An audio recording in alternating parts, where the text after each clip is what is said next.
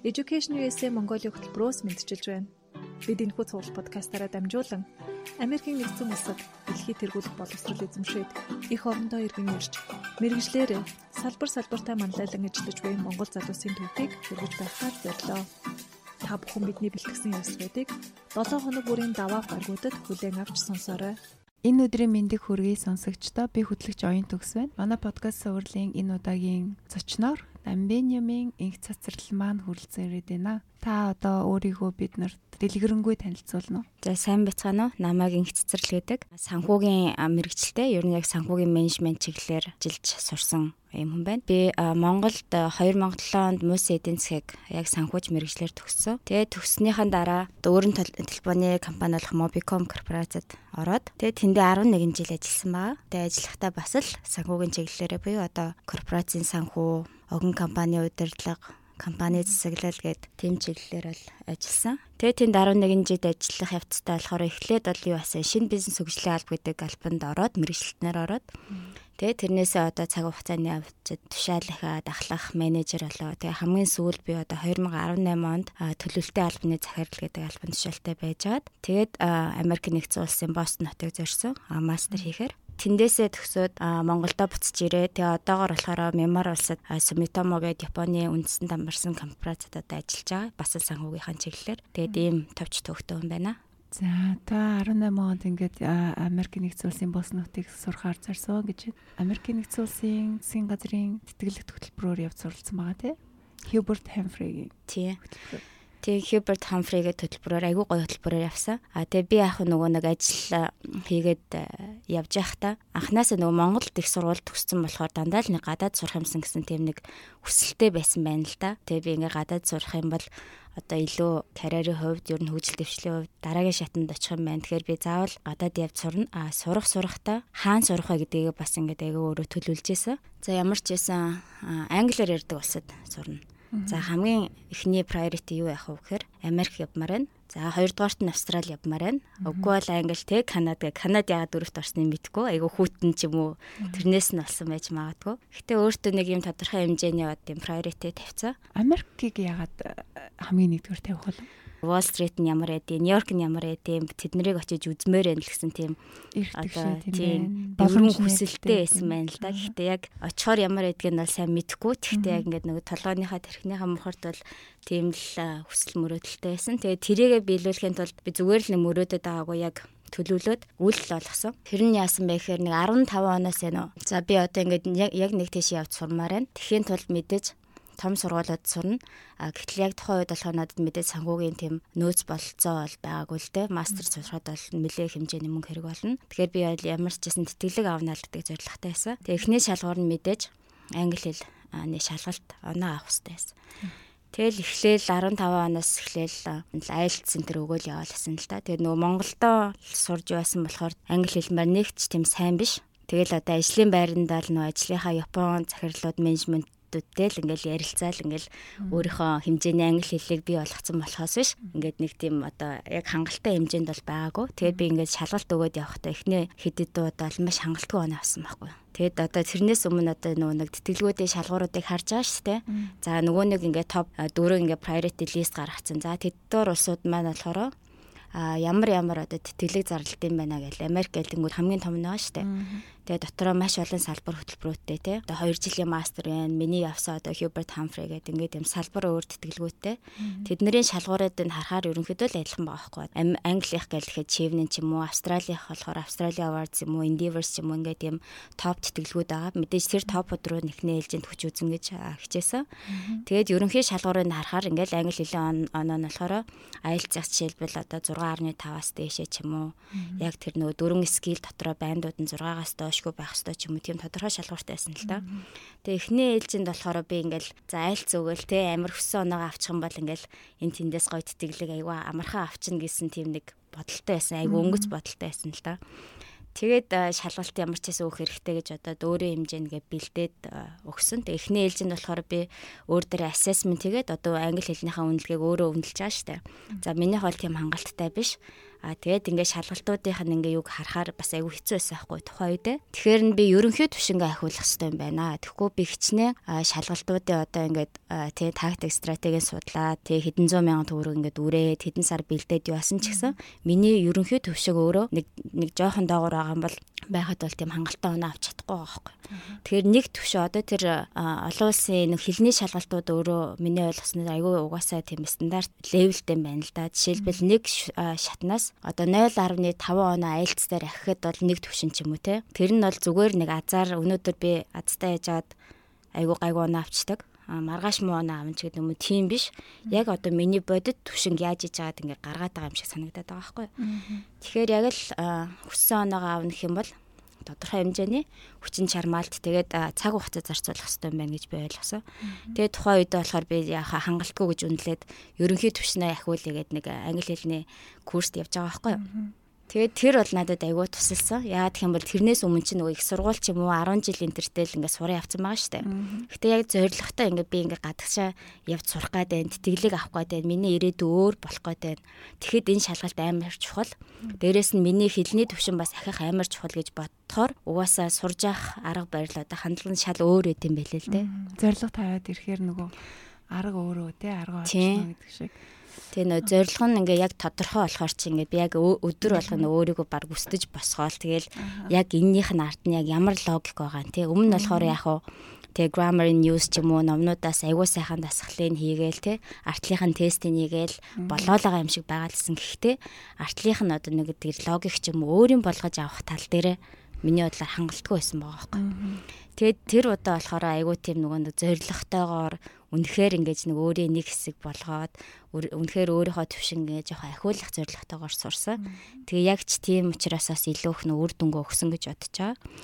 Тэгээд би явсныхаа дараа тэгээд нөө шалгалтууд өгөөл эхэлсэн л дээ. Аа.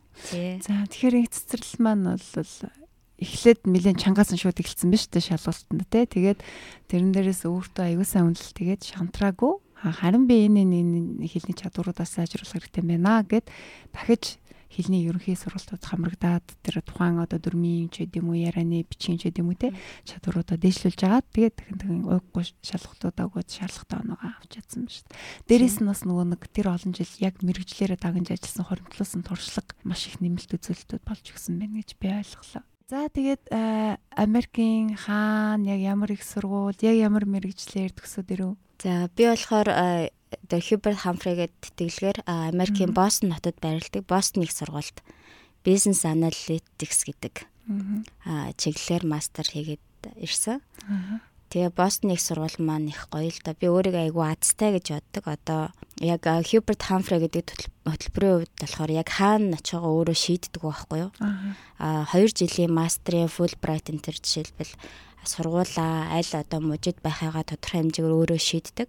Аа Хьюберт Хамфригийн хувьд гэх юм бол миний өөрийн чиглэлээс шалтгаалаад сургуулиуд нь хуваарлцдаг. Жишээлбэл одоо миний артлын чиглэл болохоор санхүү эдийн засаг байсан учраас бос нэг сургууль тэр чиглэлээ хүмүүсийг хүлээж авч өөрөө кампус дээрээ байрлуулж ингэж дэмжиж тэр хөтөлбөрийг явуулдаг.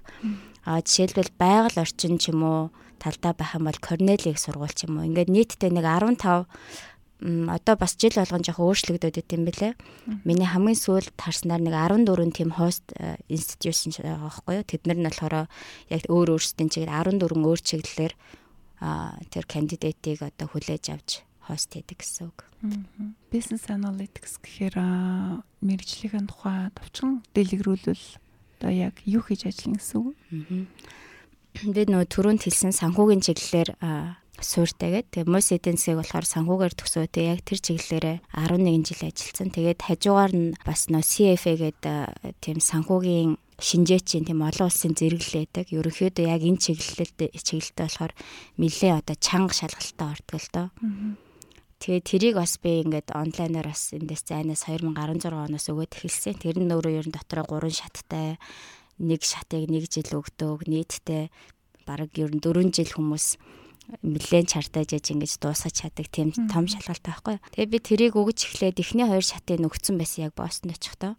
Тэгээд угаасаа дуусах нь тодорхой. Тэгэхээр би очиод мастера ямар чиглэлээр хийх вэ гэдэг дээр айгүй том надад асуулт гарч ирсэн л дээ. Ингээл санхүү санхүүгээл яваад байдаг. Тэгэнгүүт арай өөр хэлбэрээр би санхүүгаа сураад байгаа байхгүй. Бакалавр дээр сурлаа. Ажил дээр бас ямар хуу шаардлага хэрэгцээ гардгийг би ажлаасаа ойлгочлоо. За CFA дээрээс бол илүү хөрөнгөний зах зээл тий анализ талтай юмнууд ойлгочлоо. Тэгтэл би мастер дээр дахиад тэрийгээ сурахаар одоо ингээд нэг чиглэлээр их юу байгаа юм шиг сураад ингээд түн нэрэ болоод байгаа юм шиг санагдаад. Тэгээ би одоо яг одоогийн байгаа тухайн үед байсан одоо туршлага тэгээ тэр нөгөө нэг боловсрол академик бэкграунд дээр үнслээ юу одоо нэмж болох уу? Тэнгүү тэр маань миний байгаа юмыг илүү их нөгөө нэг комплимент болоо тий илүү ингээд баяжуулаад уйлдаад дээрэс нь миний үн цэнийг тэг бас ирээдүйн карьерт мань хэрэгтэй байж болох чиглэл юу яах вэ гэж агиух ботсон байхгүй юу. Тэгэл одоо төслийн удирдлага ч юм уу эсвэл одоо эдийн засгийн economics ч юм уу гэд ингээд бодцоод яг business analytics дээр ингээд төгссөн. Энэ нь ерөнхийдөө юу юм гэхээр одоо ч н одоо бүх industrial zone 4 гэл нэлээд том өөрчлөлт болж байгаа шүү дээ. Том компаниуд гэхэд одоо заавал data analytics хийж шийдвэр гаргалтаа тэрийг одоо оруулмаар юм ч гэдэг юм уу те. Маш асар хэмжээний том датан өгдөл байгаа. Тэрийг яаж зөв ашиглаж одоо хэрэгцээтэй үр дүн шийдвэр гаргалт гаргах уу гэдэг дээр бүх чиглэл ингээ явагдаж байгаа. Тэгэхээр бүхлээр нь судлах гэсэн үг. Тэгэхээр би тэр одоо нэг тренд одоо нэг урсгал чиглэл яваад байж тэрнтэй ямар ч хэсэг хөл нийлүүлээд ойролцоо ингээ явж байхын тулд юу авах вэ гэж судлангуу тэр бизнес аналитикс байсан байхгүй. Тэр нь яадаг гэхээр яг ингээ код мод бичээд ингээд өөрөө яг техникэл юу хийхгүй. Гэхдээ тийм хичээлүүд ингээ авсан. А гэхдээ ерөнхийдөө ингээ бизнесийн нэг функц байгаа. Дээрэс нь болохоор тэр дата анализ хийх одоо нэг тийм үнцэн бас нэг хэрэгцээ байгаа штэ. Тэр хоёрыг яаж яаж уялдуулах уу гэдэг талаас нь сурдаг юу мэрэгчлээс зохицол анализ хийдэг. Тийм. Тэгэхээр миний санаа нь болохоор тэрийг буцаад нөгөө нэг санхүү дагаал уялдуулаад тийм нэмэлт үнцэн үүсгэл гэсэн тийм бодолтой байсан л да. Тэгээ тэрэндээ ч бас би зөв шийдвэр гаргасан гэж бодож байгаа. Одоогоор. За тэгээд одоо сая ингээд төсөж ирээд одоогоор хаана ажиллаж байгаа гэдэг түрүү. А тий одоогоор би нөө Мямар гэд улсаа 60 сая хүн амтай. А тэгээ зүүн өмнөд Азид оршдог Таиланд, Энтхэг ерөнхийдөө 5 6 улстай баг хилдэг. Нэлээд газар нутгийн хувьд ч гэсэн том. Одоо Монголын бараг тал орчим газар нутагтай 60 сая хүнтэй тий амар том зах зээл байгаа байхгүй юу. Тэгээ тэнд ажиллаж байгаа. Тэгээ би өмнө нь болохоор нөө Mobicom-д ажилладаг байхдаа аа шэр холдрууд шэр хол хөрөнгө оруулагчд маань Японы компаниуд байсан л да. Тэгээ тэд нар бас ялгаагүй одоо Myanmarт очиод бас өөрийн холбооны компани байгуулад тэнд ингээд өсөж хөгжиж байгаа emerging market-гээ орцсон. Тэгээд надад бол тэнд ажлын санал тавиад тэгээд өнгөрсөн жилээс одоо яг нэг жилийн хугацаатай ажиллаж байна. Аа тэгээд онлайнаар зайнаас ажиллаж байгаа гэсэн. Тий, ер нь бол тэнд ажиллаад аа сая ковид гараа сая 6 сард их орондоо ирсэн маа. Тэгээд ирснээс хойш эндээс одоо онлайнаар ажиллаж байгаа. Цагийн зураа харьцангуй багтай нэг цаг агасын зөрүүтэй дээ. Тэгэхээр нэг тийм хүндрэл багтай. Гэхдээ ер нь бол байнга одоо онлайнаар хурал уулзалт хийгээл бие дааж ажил хийгээл тэрийг мэйлээр одоо ажлын хүмүүстэй харилцах маягаар тэгэж явдаг. Стандарт шалгалт хотын оноо хангалттай өндөр хэмжээнд давна гэдэг бол тэтгэлэгт хөтөлбөрт ялахын одоо зөвхөн нэг хэл одоо хүчин зүйлс шүү дээ тий. Аа тэгээ хилний сайн оноо авахаас гадна ер нь өөр ямар ямар шалгуур хангасан байх хэвээр вэ? Тий анхандаа болохоор би ингээд оноотой хахад хилний оноотой хахад бүх юм болчих юм шиг бодсон. Тэгсэн чи тэр бол зөвхөн эхлэн нэсэн бэлээ. Одоо ингээд нэг том аялал гэх юм бол хамгийн одоо давж гарах ихний зураас исэн байлээ л те. Тэгээ тэрийг болохоор бас тодорхой хэмжээнд нөгөө нэг тэтгэлгүүдээ судалж байгаад л олж мэдсэн. За эхний ээлжинд бол оноо хэрэгтэй юм байна. А тэрнээс гадна одоо тэр хүмүүс ямар хуу хүнд тэтгэлэг өгж тэднэрт хөрөнгө оруулалт хийх гээд байгаа юм бэ гэдэг талаас нь байгуу харахыг хичээсэн байхгүй юу. Өөрийнхөө байр сууриас ш тэ би ийм ундаглаг, ийм ажил хийж байгаа, ийм англи хэлний оноотой хаад яагаад намайг авдгүй юм бэ гэж харахаас илүү нөгөө нэг тэтгэлэг өгж мөнгөө зарцуулах гэдэг хүмүүс юу ямар хөө чиглэлөө, ямар төрлийн хүн хайгаад байгаа юм бэ гэж харсан. Тэнгүүт айгүй тодорхой болт юм лээ. Миний ойлгосноор болохоор а тэр газрууд болохоор одоо мэрэгжлийн ур чадрын хувьд манлайлал үзүүлээд ингээ ахиж дэвшээд өөрийгөө сориод ямар ч одоо нөхцөл байдал гарсан тэр нь дасан зогсож ингэж манлайлдаг тийм чадвараас хүнээс харахыг хүсэж байгаа шиг байна. А нөгөө тал дээр нь болохоор нийгэм итгэвтэй. Нийгэм итгэхээр бол зүгээр л нэг хандив өгөөл юм хүм цуглуулж хүмүүнд өхөөсөө илүү ер нь одоо ингээд нийгмийн асуудал хэрэг санаа тавьдсан байх, хэрэг ойлгох юм байна. Тэгээд өөрөө өөрийнхөө хэмжээнд одоо тэрэнд туслах одоо хандлага чин хүсэл хэр байгаа юм бэ гэдгийг хараад байгаа байхгүй юу. Тэр нь одоо заавал нэг хэдэн сая төгрөний ч юм уу айгүй хэмжээний юм хийцэн байх албагүй тэр хандлагыг илүү харж байгаа юм шиг санагдсан. Тэтгэлэгт хөтөлбөр шал одоо ингээд шалгарах эхний алхам бол ингээд цаасны ажиллаа тий шалгалтаа өгсөн оноо авсан байна. Аппликейшнээ бүрдүүлээд ингээ материалаа бүрдүүлээ өгсөн байна. Хоёр дахь алхам бол нөгөө ярилцлагад орох байдаг шүү дээ. Тэгээ би өөрөө Fulbright-ийн ярилцлагад ороход эхлээд би орол аюу шоконд орчихсон. Яагаад тэгэхээр тийм олон хүн цугларсан байна ч гэж бодоагүй. Тэгээ аюу олон янзын хүмүүс цугларсан байт юм билэ. А тэгээ дээрэс нь надаас гинэт чи энэ мэрэгжлийн тухай яриач гэсэн байхгүй. Тэгээ би өөрөө нөхөн сэргэлтийн зөвлөлт гэдэг энэ Монгол байдгүй боловсролын сэмтж байхгүй мэрэгжил сонгоцсон. Тэгээ тэр чи одоо нөгөө бүрэлдэхүүн хэсэгт чинь элчингийн хүн байна. А Fulbright хөтөлбөрийн хүн байна. Дээрэс нь өмнөх төгсөгчдөөс төлөөлөгч суудсан байна гэ олон янз хүмүүс олон янзаас. Тэгэхээр таны энэ ярилцлагаа та ингээд те гоё дүрслээд ярьж өгөхгүй юу? Аа. Тий, ярилцлагын шатанд ингээд сонгогдоод аявих баярлсан. Гэхдээ яг баярлахтайгаа зэрэгцээд одоо яана тий. Очоод ингээд баахан хүмүүс өөдөө сар цугаар би ингээд ярахаар ямар ах болоо гэд нилээ айж одоо стресстжсэн л да тухайд. А гэхдээ миний бодлоор бол миний хамгийн сайн хийж чадсан зүйл гэх юм бол бүх шатныхаа өмнө аягүй сайн бэлтгэл ажил бэлтсэн байгаа байхгүй одоо аппликейшн шатн дээрээ ч гэсэн одоо эсээг аягүй сайн бичээд ганцхан эсэ гэхээс өмнө одоо өөрийнхөө тэр шалгуурт нь тэнцэх өөрийнхөө нэг хувилбарыг тэр хүртэл бий болгоно гэдэг чинь бас нэг том бэлтгэл ажилтай. Яг тэрэн шиг ярилцлагын шатандас би өөрийгөө аягүй сайн бэлдсэн л дээ. Ерөнхийдөө бол харж хахад ингээд аппликейшн дээр бол цаасан дээр ингээ өөрийнхөө түүхийг ингээ аягүй сайхан бичиж байгаа тий. Ярилцлагын шат бол миний ойлгосноор тэр хүмүүс яг тэр цаасан дээр байгаа хүн амьдрал дээр ямар байгаа вэ гэдгийг хармаар байгаа юм шиг байгаа байхгүй. Яг тэр нөгөө нэг айгуу гой ингээд бичсэн нэг хүн болгоно нэг тодорхой хэмжээний дүрс имиж үүссэн байгаа шүү дээ. Тэрийг ингээд яг нэг real person тэ. Нэг хүнээр нь ингээд хараад тэ. Тэр хоёр нь ингээд яг ингээд таарад ихтгэл үнэмшил төрүүлэхээр ах юм бол дараагийн шатанд одоо оруулдаг ч юм уу тэгж юм шиг санагцсан. Тэгэд а миний ярилцлагын юу ч гэсэн бас айгүй амар л байсан л та. Ингээл оронгууд ингээл нэг ширээний нэг талд нь суугаад нөгөө талд нь ингээ 5 6 он сууж. Тэгтээ би тэр ярилцлагаас өмнө бас өөрөө нэлээд сайн судалсан байсан. За хэд орчим хүн байх бол те нэг хүн ойролцоогоор надаас хэдэн асуулт асуух бол ямар хуу чиглэлийн асуулт асуух бол гэ би бүр нэг бүрчлээ ингээд асуугдчих магадгүй асуултуудыг бэлдээ. За эхний ээлж намайг танд өөрийгөө танилцуулгын яагаад энэ тэтгэлийг ингээд сонгож аплайдж байгаа гэж асууна. Дээрээс нь яагаад заавал Америк гэж асууна. Яагаад энэ чиглэлээр сурмаар байгаа. Ямар нэгэн culture shock байх юм бол чи тэрийг яаж зохицуулах уу гэдэг юм уу те. Эсвэл яагаад чамайг сонгох хэрэгтэй ингээд ингээд ер нь ингээд стандарт юм хэдэн асуултууд байгаа байхгүй. Тэгээд ер нь ингээл энэ тэндээс өмнөх явсан хүмүүсүүдийн туршлага энтрийг интернетээс хайгаал ер нь бүх боломжит асуултуудыг сайхан жагсаад бичиж жаад тэгээд тэрэнд бүр ингээ сайн хариулаа бичсэн. А тэгээ ганцхан тэр ерөнхий асуудал гэхээсээ илүү тэр миний нөгөө нэг сэн дээр бичсэн юмнуудыг чинь бас дахиад асуу шүү дээ. Яагаад чи сурах гэдэг тий яг зорилго чинь юу вэ? Чи одоо энэ сурснараа одоо чиний ирээдүйд болоод тэг хувь хүний карьерт чинь эсвэл community чинь ямар хэмжээний одоо өөрчлөлт авна гэж харж байгаа ингээл. Тэнгууд зэрэг чинь аа би юу ичлээ энэ гэж бодохгүй яг л энэ өөрийнхөө л чинийх л байх хэрэгтэй байгаа байхгүй юу? Тэгээ тэрийгээ л ингээл яг өөрийнхөө байгаагаараа нэг ямар нэг хэлбэрт баригдахгүйгээр л ингээл ярьчвал зүгээр юм шиг санагцаа а тэгээ дээрэс нь ингээд хүмүүс айгүйх сандарлаа ярилцлагын авцад ингээд тэг англиарч ярьж байгаа айгүй хэцүү байлаа энэ төр итгэдэг л дээ тэрэн дээр бол би бол зүгээр сандарлыг тодорхой хэмжээний байх ёстой зүйл гэж бодож байгаа байхгүй. Яа гэх юм бол хүн ямар нэгэн ач холбогдол өгчээж тэрнийхээ ирээр ингээд сандрал бий болж байгаа шүү дээ ямар ч ач холбогдол өгөхгүй ингээд аа ингэцэн тэгцэн гэдэг ингээ хинэггүй байхаар тэр ирээр ач холбогдлохгүй юм шиг санагдах юм шиг байгаа байхгүй. Тэгэхээр тодорхой хэмжээний бол сандрал байх хэрэгтэй. Гэтэ мэдээж тэр нь ингээ өөрийнхөө нөгөө нэг хэлгэсэн санаа гол юмнуудаа тодорхой хэмжээгээр ингээд нэлээд сайн илэрхийлж чадхаар хэмжээнд л байх хэрэгтэй л гэж бодож байна л та. Тийм, тийм болсон. Тэгээ дээрэс нь ярилцлагатай холбоотой гэхээр эхнээ ээлж нь ингээл өрөөнд ороод ингээл нэг жоохон нэг эвгүй мэдрэмж ч юм уу одоо яана гэлдэг. Тэгэнгүүтээ миний болохоор хийсэн юм болохоор би ингээл ороод бүх хүмүүсүүдийг нэг нэгээр нь ингээд жоохон ай контакт айгу богино хугацаанд хийн шүү дээ.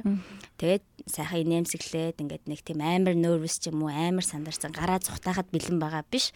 Ямар ч гэсэн би энэ та нарын өөдөөс харж суугаад өөрийнхөө юмыг ярахад бэлэн гэдэг тийм өөрийгөө бэлдэх хэрэгтэй юм шиг байна. Тэгээ сайхан юмнуудаа ингээ яриа авчихад бол ер нь гайгуул байх миний сая таны ярин сасан хам одоо тэ маш чухал point бол би тэгж авлаа. Нэрэл нэг сайхан ингээд төлөвлөгөө эсэ бичиж өгсөн байгаа шүү дээ. Тэр чинь үнэхээр яг чи юм уу юм уу? Тэ энэ зүгээр чи зөвхөн тэтгэлэг олохын тулд нэг сайхан юм бичсэн юм уу? Эсвэл үнэхээр энэ чиний хийсэн ажил, чиний хүсэл зорилго, чиний дотор байгаа ертөнц ч юм уу юм уу тэ? Нэрэл яг өөр өөрөө амьдрал байх хэрэгтэй юм байна тийм үү? Тийм. Тэгээд яг үнэхээр хүсэж байгаа бол угаасаа тэгэл хүний нөх хүсэл эрмэлзэл пашн чинь ингээ харагдаж штэ ярианы өнгөн дээр нүд ам гэрэлтэй ч юм уу эсвэл яриан төрөсөө ч юм уу. Тэр болгоно л ингээл харах хэрэгтэй юм шиг. Харуулах хэрэгтэй юм шиг. Тэгээ нөгөө талаас нь бас нэг боддог юм нэх юм бол эсэний шатан дээр ч нөө ярилцлагын шатан дээр ч нөө ингээд нөгөө хүмүүс маань болохоор маш олон хүмүүсийг яаж дээ. Маш олон хүмүүсийн мэдээлэл авч байгаа. Нэлээд олон хүний ярилцлаганд орж байгаа. Тэгэхээр би бас нөгөө л өөрийнхөө өнцгөөс ш нөгөө хүмүүсийн байр суурин дээр өөрийгөө ингэж айгүй их тавьж хардаг байхгүй. Тэгэхээр би ингээ орд суугаад ингээл ярьслага өгж хахад тэр хин нэгэнд нь те миний талаар нэг тийм онцгой нэг юм үлдсэн баймарэж байж ш намайг дараа нь санана шүү дээ. Тэгэхгүй зүгээр аа нэг хүн орж ирээд ярьсандаа юу ярьлаа гэж санахгүй биш. За инх цэцэрлэг гэдэг нэг охин байсан. Тэр нэрэн тим ярьж исэн штэ. Гэт нэг сэтгэл төрүүлэх нэг тийм час эс юм аль алинд нь байх хэрэгтэй юм шиг санагддаг байхгүй. Тэгэхээр нөгөө нэг эсэ бичиж явахдаа ярилцлаганд орж явахдаа миний тэр юу аах вэ гэж ингэж бодох юм бол бас илүү тустай нэмэртэй гэж магадгүй. Өөрийнхөө талаас биш ингээд өөрийн түүх манд биднэрт дандаа л гоё л да тий. Би ингэж одоо нэг ямар хэмжээний бэрхшээлийг даван туулж юуг яажсэн бид нар өөрсдөө мэдж байгаа болохоор айгүй тийм тодорхой байдаг. А гэтэл нөгөөдөл маань ингээд өөр хүний өнцгөөс харахад яаж харагдах вэ гэдэг дээр нь бас анхаармаар юм шиг санагдсан байхгүй юу? Тий. За Үнэхээр чухал поинтууд байна. Баярлалаа. За тэгээд ингээ Америкт суралж явах хугацаанд одоо а яг сургалттай холбоотой мөн Америк соёлтой танилцаж Америк соёл дуусч те. Тэр чинь маш олон соёлтой хүмүүс байгаа шүү дээ Америкт чинь. Тэр хүмүүстэй харилцаж нийгмийн амьдралд ороход гоё янз янзын үйл ажиллагаанд оролцоход ч юм уу харилцаа тал руугаа ч яж болно те. Танд хамгийн бэрхшээлтэй нь юу нь юу байв а бас тэндээс одоо авсан сургамжтай зүйл онцлог тэлэх зүйл юу вэ? Нөө ярьцлаган дээр ерөнхийдөө ингээд соёлын хаалга яадаг чи тэр яаж даван туулах вэ гэдэл баг тийм стандарт асуулт байдаг байхгүй. Тэгээд би өөрөө бэлдэж байхдаа ч гэсэн би одоо ингээд ямар ч нөхцөл байдал харьцангуй дасан зохицох чадвартай. Тэгэхээр бол яаж ч ал уучраа олно гэдэг тийм нэг бодолтой байсан аахгүй юу. Тэгсэн чинь тэр маань жоохон буруу ч юм уу яг яг тийм байгаагүй ботсон шиг байгаагүй л те. Оцсны дараа ингээл хэдийгээр ингээд би бүх юмнууд гайгүй смут явна гэж бодсон ч гэсэн үнэхээр соёлын ялгаа бол байд юм байлээ. Одоо би ингээд шал өөр улсад очиж байгаа, өмнө очиж байгаагүй хүмүүс соёл те ингээд ер нь бол ингээд шал өөр байгаа байхгүй юу. Харилцаан дээр ч гэсэн хамгийн ихний анхаарсан зүйл болохоор яг нөө харилцаан дээр одоо ялангуяа тэр Америкчууд болохоор илүү шууд ингээ юмнуудаа ярьдаг. Одоо миний сүүлд ингээд нэг ном уншаад тэрнээс ойлгоход ингэдэг гэж байгаа байхгүй жишээлбэл. Америк хүмүүс за би өнөөдөр ийм ярих гэж байна. Би ийм ярьж байна. Би сая ийм ярьлаа гэд ингээд өөрийнхөө өгч байгаа мессежийг маш тодорхой ингээд direct байдлаар өгдөг. Гэтэл Азийн соёл чинь ерөөхдөө жоохон шууд биш тэ. Ингээ шууд бас за эхлээд ийм болсон юм аа. Тэгсэн чи ийм гараад одоо энийг яах вэ гэд нэг тийм story telling маягаар ингээ хийдэг. Тэрэн дээр ингээд айгу зөрөөтэй. Тэгээ би өөрийгөө тийм байдлаар илэрхийлэхээр нөгөө хүмүүс маань тэгээ яг юу гэж хэлэх гээд байгаа юм болоо. Энэ хүний гол асуудал нь юу юм болоо гэд ингээд тийм яалтчгүй ялгаар тийм байх. Тэгээ бас яг энэ гарч ирсэн. Тий, яг тэгдэм билээ. Тэр чи яг биеэр очиж үзчихэж л ингээд мэдж байгаа байхгүй юу? Аа бас нэг том ялгаа нь гэх юм бол хүмүүс нь одоо нэг харилцаа ингээд дотн болох тэр одоо бид нар ч нь бол харьцангуй ингээд хүмүүст айгу дотн болчтой шүү дээ. Ингээд итгэлцэл ингээд үүсчдэг. Итгэл нэгэнт итгэлцэл үүссэн байхад бол тэн дээр үргэлжлүүлээд ингээд өөр зүйлс ингээд дээрэс нь ингээд нэмээд бүтээгээд явцдаг. А тэнд болохоор арай өөр нь болохоор яг тийм ихтгэлцэл дээр суурилсан биш тухайн нэг таск дээр ч юм уу нэг ажил дээр суурилсан айгүйх тийм харилцааны суурьтай юм шиг санагцсан. Одоо би жишээлбэл academic advisor та яг тэр чиглэлээр явдаг бол тэрүүгээрээ л ингээл харилцаагаа хадгалаад явна. Бид хоёр хичнээн нэг удаа айгүй гоё ингээд яриа өрнүүлээ хідэн цаг ингээд айгүй гоё байсан. Одоо найз майз болсон гэсэн үг биш л юм шиг байлээ л те. Тэгээд яг би тэнд бас Америк Бостонд нэг жилийн хугацаатай л байсан болохоор нэг тэгэж бол Америкийн соёл бүх юмнуудыг сайн мэдэж авч амжаагүй. Гэхдээ бол ер нь бол айгүй тийм харах өнцөг юмнууд бол маш өөрчлөгдсөн. Төрөн хоёлаа тэтгэлэгт хөтөлбөр тавигдах шалгууруудын тухай ярьж байхад бас нийгмийн идэвхтэй хэрэгтэй байх те нийгмийн сайн сайхны төлөө хувь нэмрээ оруулдаг байх нь бас чухал нөлөө үзүүлдэг гэж ярьжсэн. Тэгээд нийгмийн сайн сайхны одоо үйлс хийж хувь нэмрээ оруулж байна гэдэг нэг талдаа тэтгэлэгт авахд нөлөө үзүүлж байгаа. Нөгөө талаасаа бас давхар таних хүн талаас нь энэ хүн хийм бэ гэдгийг харуулах маш том үзүүлэлт те. Тэгээ та Монголд болон Америкт аль алинд нь одоо хийж байсан нийгмийн төлөөх үйлсүүдийн тухай жоохон ярихгүй юу? Дахиад бүр их эхний хэсгээр очил да нөгөө нэг тэтгэлэгт одоо өөрийгөө бэлтжижсэн талаар. Аа тэгээд э, дахиад нөгөө шалгууруудаа харахаар ингээд заав ингээ англи хэлний оноогоо авчлаа. Ажлынхаа хувьд ингээд гайгүй ур чадвар манлайл харуулсан авчлаа. Тэгвэл нийгмийн итгэх тал дээр ямар байх юм бэ гэд би өөртөө асуулт тавьсан. Тэнгүүт ингээд тухайн үед ботсон л та ингээд яг ямар нэг хандив ажилд оролцоод явах юм уу тий эсвэл одоо ингээд өөрөө компанид ажил өрнүүлээд явах юм уу гэд ихэндээ бодоод тэгсэн чи яг тэх нь бол хамгийн зөв биш юм байлээ. Одоо ингээд нэгэнт одоо нийгэмд маш олон асуудлууд байгаа. Тэр нь би эргэн хүний хувьд бол оролцох хэрэгтэй. Гэхдээ оролцох хэрэгтэй ёстой гэдгээс гэдгээрээ биш өөрийнхөө үнэт зүйлтэй холбож бодмоор юм шиг байхгүй. Тэгээ би одоо үнэхээр нийгэмдээ ингээд төв нэмрээ оруулмаараа нэхний ээлжинд явах хүмүүс ингээд өөрийнхөө нөө биед сад гэрээ зас гэдэг шиг өөрийнхөө хувьд ингээд нөө засгаад ингээд явж байгаа хэл та. Тэгээд тодорхой хэмжээнд очихоор би ингээд бусдад өгмөөрэ нийгэмдээ өгмөөрэ тэгэхээр би юугаар тусалж чадах вэ гэдэг бас боддtiin байлээ. А тэгээд миний тэр хугацаатай бас аягүй сайхан таарж таарсан л та. Тэгээд би өөрөө бодчаа за одоо яг миний сонирхолтой яг миний валютай та нийцэх одоо чиглэл юу вэ гэхээр хүүхэд эмэгтэйчүүдийн талаар байсан байхгүй юу.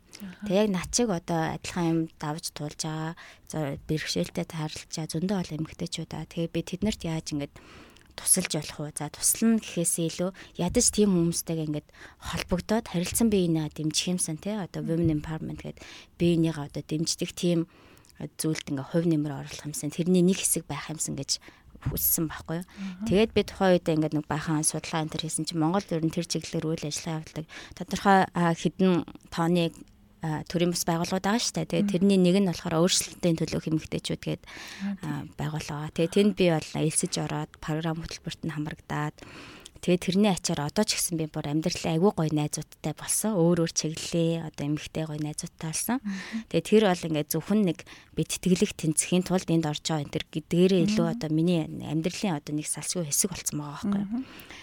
За тэгээд тэгээд Америкт очисон очиод бол ингээд яг волонтер буюу одоо сайн дурын ажиллал угаасаа л ингээд соёлынх нь нийгмийнх нь нэг хэсэг юм байлээ л дээ. Одоо тэр оронгор гэргүй хүмүүст туслах тий одоо food bank гэдэг одоо хоол э, түгээдэг тийм том том төвүүд байна. Тэрийг хуваарлдаг маш олон цэгүүд байна. Тэн дээр болохоор хүмүүс дандаа сайн дураар ажилладаг. Бас тийм нэг хүүхд хувцас юм хүүхдийн хувцас ялгадаг тийм айгуу том төвд очижсэн л та. Тэгэхээр тэр бол айгүй гоё Монголд хэрэгжүүлж болмоор санагцаа. Одоо ингээд бүх айл өрхүүдэд нэг тийм шинэ хувцастай хүүхэд нь багтцсан хувцас ч юм уу эсвэл нээх амир өмсөөгөө тиймэрхүү хувцас одоо хэрэглэл ном дэвтэр зөндөө байгаа штэ. Тэрийг нэг тийм distribution network-оор ингээд цуглуулад тэр ингээд ялгаж ингээд цуглуулдаг газараа төвдөө аваачаад тэнгуут нөгөө нэг сайн дур ажилтнууд нь очиж ялгаад те. За энэ тэдэс тэд насны эрэгтэй хүүхдийн хувц байна ном дэвтэр байна ингээд юм англиудаар сайхан ялгачт юм бэлээ. Тэд нар бүгдээрээ аягүй гой шат амжилахтай. Минийх болохоор яг ялах хэсэг дээр байсан л да одоо ингээд 3 хүртэлх насны хүүхдүүдийн хувцс ялгадаг, өмд ялгадаг хэсэг. Тэрэн шиг ингээд маш олон ялгах хэсэгтэй. Нэг хэсэг нь болохоор ялгаан, дараагийн хэсэг нь болохоор одоо пайклан дараад нь болохоор аль дүүрэг рүү яах вэ шийдэж хуваарлдаг ч гэдэг юм. Ингээд бүр ингэ сайхан юм системтэй тим тгүүд маш их байт юм байлээ. Тэгээ яг энэ нь болохоор одоо тэр хувцсан дээр аа нөө food shelter food shelter тий одоо хоолны үн дээр байгаа. Тэгээ ганцхан одоо мэд материал гэхээсээ илүү бас тийм олон community коллежууд гэдэг юм байл л дээ. Тэр нь болохоор төлбөргүй тэгээд харьцангуй нөгөө санхүүгийн хувьд а боломж багтай айлууд айл өрхөдөг хүүхдүүд сурдаг. Тэн дээр бас бид нар манай хөтөлбөрийнхөө очиж бас лекц семинар энэ төр хийж өөрсдийнхөө туршлагаасаа ярьж зарим нэг төслүүд дээр энэ төр хамтдаж оролцож байсан. Тэгэхээр эн чинь болохоор нэг тэг нэг жилийн хугацаанд л одоо миний үдсээ одоо туршлага байгаа байхгүй. Тэгэхээр тэр хэмжээний экосистем тий сайн дурын ажил одоо айгүй олон тийм олон поинтууд буюу цэгүүд байгаад байд юм бэлээ. Тэр нь бол угаасаа Америкийн соёлынх нь нэг хэсэг юм байна гэж ойлгосон. Тэгээ Монголд болохоор сайн дурын ажил гэхээр маш олон чиглэлээр юу адаг. Гэхдээ ингэж яг тэр нөгөө нэг одоо экосистем нь орж ирэх юм бол илүү шинэлэг юм байна гэж би бол харж ирсэн. Та энэ Hubert Humphrey гэдэг хөтөлбөрийнхөө онцлогийг жоохон дэлгэрэнгүй ярихгүй. За Humphrey болохоор яг мастер хөтөлбөрөөс арай өөр. Ерөнхийдөө бол нөгөө зэргийн бус гэдэг non degree хөтөлбөр байгаа. Тэгээ яг хугацааны хувьд нэг 10 сар 10-аас 11 сарын хугацаанд үргэлжилдэг. Тэгээ яг нөгөө нэг зорилт Хятад э, бүлэг нь болохоор одоо 5-аас дээш жилийн ажлын туршлагатай дунд шатны тэм мэрэгчлэтнүүд зориулсан хөтөлбөр байгаа байхгүй юу. Одоо дөнгөж одоо бакалавр ч юм уу эсвэл дөнгөж одоо ажиллаад э, нэг 2 жил э, ажиллаж байгаа хүмүүст биш. Тодорхой хэмжээний карьер хийгээд тэгээд тэндээсээ дараагийн шатанд ингээ гарахаар одоо хувь хүний ур чадвар ч юм уу тийм мэрэгжлийн ур чадвараа ингээ дээшлүүлэхэд нь тусалж болгож одоо хойноос нь баг нэг тэрэлд өгөх зорилготой тийм хөтөлбөр. Аа тэгээд надад бол маш их таалагдсан. Яагаад гэх юм бол хугацааны хувьд ингээ богинохон. Тэгэхээр би заавал ингээ 2 жилийн хугацааг зарцуулах шаардлагагүй. Одоо нэг сургууль дээр ойролцоогоор нэг 10-аас 15 оролцогч очдог байхгүй. Тэгэхээр тэр 10-аас 15 оролцогч нэг бүр дээр яг чиний одоо энэ нэг жилийг яаж зарцуулмаар юун төрмээр байгаа гэдэг төлөвлөгөө гаргах. Тийм. Тэр нь бол айгүй гоё. Бүр IPP гэдэг одоо individual а план гэж яддаг байхгүй юу. А тэр нь болохоор хүн болгоны хувьд өөр. Одоо манай дээр жишээлбэл бид нар 11 үлээ байсан. Миний явах зам болохоор өөр. Тэр чиглэлээр манай а хөтөлбөрийн одоо нэг зохицуулагч нар маань хүмүүстэй холбож өгнө би яг тэр хүсэн чиглэлээрээ Бостон их сургуулаас хичээлүүд авна. Тэр чиглэлээрээ бас дадлах хийх ч юм уу боломжтой ингээд маш баялаг, айгүй богино хугацаал да. Тэгтээ маш их хэмиг сурсан, маш өөр өөр өнцгөөс одоо юмнуудыг харах боломжтой юм хөтөлбөр байхгүй. Одоо нөгөө нэг нэрэл хийснээр одоо би Fulbright-ийн 2 жилийг нэг тэгээ айгүй чанга шалгууртай Хичээл болгон бигээс доош байж болохгүй гэл ингээ шаардж чинь. Тэгээ GPA өндөр байх хэрэгтэй. Яг л нөгөө академик юмд бүх цагаа зарцуулаад үнэхээр таарч лээсэн л да. Тэгэхээр нөгөө нэг зөвхөн академик мэдлэг чадвар биш олон талаар л өөрийгөө хөгжих мэрэгжил дэвшлүүлэх гэсэн утгаараа тий. Манлайлалын ур чадвар дээрнээс айгүй их ач холбогдол өгдөг. А тэнгууд бид нар болохоор тэр байрлаж байгаа сургуулиасаа одоо хичээлүүд авч болно. Тэрийг заавал одоо passage creditтэй цуглуулах албагүй. Аудитор үзнэгээ зүгээр хичээлд нь яваа тэр хичээлийнхээ агуулга юмыг аягүй сайн ойлгоод ингээ явчих боломжтой. Тэгэхээр нөгөө ачаал нэг бага л та. А энээсээ гадна болохоор 7 хоног болгон бид нэр leadership seminar гэж яддаг байхгүй юу. Тэн дээр нь одоо манай сургууль дээр байрлаж байгаа тэр нөгөө зохицуулагч хүмүүс маань аягүй гоё өөрсдөө гэсэн хөтөлбөртэй. За одоо change management гэж юу юм. Тэгээд нөгөө нэг болгон тэг оролцогч хүмүүсээс нь саналын асуугаа явчихна. Тэгэхээр чи 10 өөр улсын 10 өөр хүний бид нар туршлагыг сонсож байгаа байхгүй. Тэр нь өөрөө бас айгүй үнцэнтэй хэсэг энэ хөтөлбөрээ. Тий. Тийм байна. Тэгээ бас нөгөө networking аюу сайн тэлж өгөх боломжтой юм байна шүү дээ. Тийм, networking аюу чухал юм билэ. Би ер нь тэнд Америкт очиод ер нь networking чадвар маань жоохон сайжирсан гэж би өөртөө үзээ та. Бостонд очиод бол яг networking аюу хэрэгтэй юм байна. Бас ийм ч үгээд юм байна. Network is net worth гэдэг. Хэр их одоо сүлжээтэй тэр ирээр одоо тэг үнцэнтэй байна гэсэн тийм ч үгээд юм билэ. Тэгээ тэн дээр бол аюу сайн өөрийгөө жоохон дараагийн шатанд нахиулсан гэж боддог байхгүй. Ямар ч байсан одоо би буцаж ирээд а огт танихгүй үнтэй уулзах ч юм уу те одоо ямар нэг асуудлаар ярихаас нэг санаа зовдгоо хинтээж би approach хийгээд хандаад тэгэх боломжтой гэдэг тийм нэг барьераад авцсан ч гэдэг юм уу. Тийм болсон. Тэр бол айгүй олзуурах штэ юм байгаа миний хувьд. Мэргэжлээ ер нь хүн яаж сонгуул зөв юм бэ? Энэ талаар өөрийнхөө бодлыг хуваалцахгүй. Энэ нэлээ хэцүү асуулт байна л да. Тэгээд заримдаа бас ингээ манай дүү энэ төр асуудаг байхгүй. Тэгэхээр би айгүй болгомж болгоомжтой хариулдаг. Тэгээ бас яаж хариулахаа яг надад тодорхой бас хариул байдгүй ихвч ихэнх тохиолдолд. Тэгтээ ерөнхийдөө бол ингээд хүүхдүүд ажил мэргэжил чиглэл сонгохдоо айгүй сайн судлах хэрэгтэй юм шиг санагддаг. Яг ингээл нэрэл сонгож байгаа шүү дээ. Бизнес ч юм уу, эсвэл ингээд IT менежер ч юм уу, эмч ч юм уу. За эмч харьцангуй тодорхой. Гэхдээ ингээд дотор маш олон чиглэл урсгалтай. Тэгэхээр ингээд хүмүүсийн зөвлөгөөгөр ч юм уу чиглэлээ өгсөн чиглэлийн дахаасаа илүү яг тэр хийдэг хүмүүстэй баг очиод уулзаад та ингээд сэтгүүлч гинэ та тэгэхээр яг юу хийдэм бэ юу нь хэцүү вэ юу нь гоё вэ ч гэдэг юм нэг тийм яг юу хийдгийг өөрөө жоох ойлгоод авчих юм бол илүү тус төхөмтэй юм уу гэж би бод. Тэгэхгүй ингээд айгүй гоё мэрэгчлүүд тэгээ нэрсүүд ингээд жагсаалт тарж байгаа л за энэ гоё гинэ эсвэл одоо код бичих ч юм уу те одоо IT чиглэл одоо ирээдүйд явах юм байна гэд хэтэрхийн нэг тиймэрхүү байдлаар сонгох хэрэг сонгоод ах шиг байгаа байхгүй юу. Тэгэхгүй яг ингээд яг мэрэгчл болгоно юу хийдэм бэ? Тэр болгоно өөртөө нааж үзээ те. За би зүрхний эмч болчвол за ийм хийдэг гэж байна. Би энийг хийж байгаагаар өөрийгөө 5 жилийн дараа харж ийн үү ч гэдэг юм уу гэж бодох юм бол бас зүгээр юм шиг санагдав. Тэгээд а мэрэгжил сонголт аягүй чухал дээрэс нөгөө ирээдүйн карьер ч гэсэн чухал. Гэхдээ одоо ирээдүйн хэдэн жилийг харахаар бид нэг мэрэгчлэр сураад тэрүүгээрээ насаараа одоо амьдрна гэж бод байхгүй болж байгаа цаг үе ирж байгаа юм шиг байна л да. Одоо бидний дундаж насжилч гэсэн одоо жил ирэх тусам ингээл улам мурталаа да. Тэгэхээр 20-д наснда тий одоо эмч гэдэг мэрэгчлэр ч юм уу сурчаа тэрийгээр 80 мая хүртэл одоо явна гэж би бодохгүй байгаа байхгүй. Тэгэхээр магадгүй ингээд 40 50 жилийн зайтай дахиад өөр мэрэгжил сонгож одоо өөр сайкл эхлүүлдэг тийм юм руу ч орж магадгүй байх. Гэхдээ энэ яг илүү ирээдүйд хамааралтай байх л та. Та маш их бодтой талаас нь санал хэлж байна л да. Одоо яг тухайн байрж авсан мэрэгжлээ сайн судалгээл те. Яг газар дээр тулаад ирэхээр ямар ажил хийдیں۔ Тэр нь чиний нөгөө нэг төсөөлж исэн те хүсэл нурал чинь нийцж байгаа ажил мөн байх нүггүй юу гэд.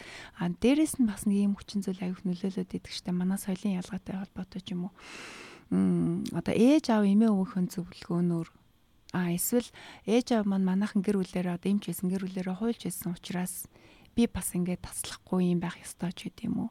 А эсвэл энэ одоо дараа нь биений хурд өсчгээд энэ салин өндөртэй эсвэл энэ мод болж байгаа ч гэдэм ингэж гадны хүчин зүйлсүүдээр яг уу илүү өөрийнхөө зүрх сэтгэлийг сонсоод сонирхлоо дагаад сонгочдөг.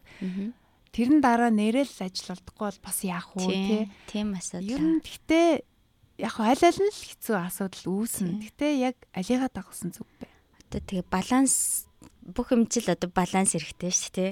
Ингээл зүр сэтгэлээ дааж ингээл юу ч хамаагүй ингээл хийгээл ингээл амьдрал нь айгүй хэцүү болох чинь бас нэг туйл те. Нөгөө тал дээр ерөнхий ингээд нэг эдийн засаг те технологи ингээд нэг өөрчлөлт байгаа. Тэрнтэй жоохон уялдуулаа. Тэгтээ өөрийнхөө бас personal юутайгаа value зүйлтэйгээ бас уялдуулаад ингээд нэг алтан дунджийг болоо баланслуулахад л асуудал ах та бүх юм дээр л бол тиймэрхүү л байгаа гэж. Тэгээ ямар ч л байсан хүмүүсийн хүнлэнгийн нөлөөнд автаж 100 одоо өөрийгөө л сайн л шинжлэх хэрэгтэй. Аль нэг экстрим тал руу нь явахгүй.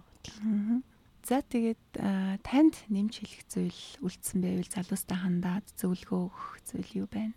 Залуусыгаа одоо илүү тууштай байгаарай л гэж уриалээ да. Яа гэх юм бол бид нарт хичнээн гой санаа, хичнээн гой мөрөөдөл байлаа гэд тэрийг ямар нэгэн үйлдэл болохгүй, өдөр тутамдаа үйлдэл болохгүй байх юм бол тэр мөрөөдлөөрөө л зургаараа л эсвэл нэг толгооны нэг буланд хаана нэгтэй байгаа нэг бодлороо л үлдчих байгаа байхгүй. Тэгэхээр бол нөө consistency буюу одоо тууштай байдал хамгийн чухал. А хоёрдугаарт нь урьдчилж төлөвлөж өөрийгөө бэлтгэх нь бас амар чухал байгаа байхгүй. Хичнээн ингээ гоё ингээ төлөвлөгөө харсан байлаа ч гэсэн За би тэн дээр хизээ нэгэн цагт очино гэдэг аахгүй яг тэр төлөвлөгөөн дээр очиход чинь та ямар байх ёстой, ямар ур чадвартай яг яаж харагдаж байгаа тий харагдах ёстой. Тэгэхэд одоо өнөөдөр ямар байна? Тэр хооронд чинь нэг тодорхой хэмжээний гап зай байгаа шүү дээ. Тэрийг яаж нөхөж болох вэ? Тэрийг нөхөхдөө болохоор тэр нөгөө нэг өдөр тутмынхаа байнгын одоо тууштай байдал чухал байгаа байхгүй. Тэгэхээр нөө ямх ямхаар урагшлаад их хийхгүй, баг хийхгүй, байнга хийх хэрэгтэй юм шиг байгаа байхгүй. Тэгээд залуусыгаа тийм бай гэж уриалъя. За баярлалаа. Үнэхээр хүнтэй сайхан зөвлөгөө өглөө. Тэгээ бас их сонирхолтой мэдээлж олныг авсан баг гэж бодож байна. Бидэнд нэг уламжлал асуулт өгд юм л да. Дараагийн подкаст суурлаар маань хэний санал болгомоор вэ? Санал болгох хүн гэх юм бол яг миний явсан энэ хамфраг хөтөлбөрөөр өнгөрсөн жил бас Бостонд тэгээ Майтэд сураад төгсөөд ирсэн сарнай оролцоолох гэсэн хүсэлтэй. Сарнай тий? Тий. За тэгээд сарнайгаа бид нар дараагийн подкаст суралтаа урьж байна. За баярлалаа. Тэгээд э, өнөөдөр цаг зав гаргаж манай залууст туршлагаа хуваалцаад хүнтэй зөвлөгөө мэдээлэл өгсөн танд маш их баярлалаа. Таны цаашдын ажил үйлс амжилт хүсье. Тэгээд бас эрүүлэг сайн сайхан бүхний хүсье. За маш их баярлалаа. Өнөөдрийнхөө подкаст намайг зочноор үрж оролцуулж байгаад маш их баяртай. Тэгээд өөрчн ч гэсэн амжилт хүсье. За баярлалаа. Америкийн нэгдсэн улсын засгийн газраас санхүүжүүлдэг Education USA Mongolia хөтөлбөрийн хэрэгжүүлэгчээр Монгол дахь Америк төгсөгчдийн холбоо ажиллаж байна.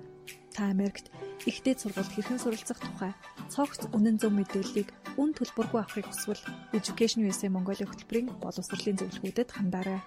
Бидэнтэй холбогдохыг хүсвэл www.masa.org-ийн цахим хуудасаар хандж болохоос гадна Facebook, Twitter, Instagram дээр Education USA Mongolia-г дагаарай. Ирэх даваа гарагт иргэн уулзлаа түр баяртай.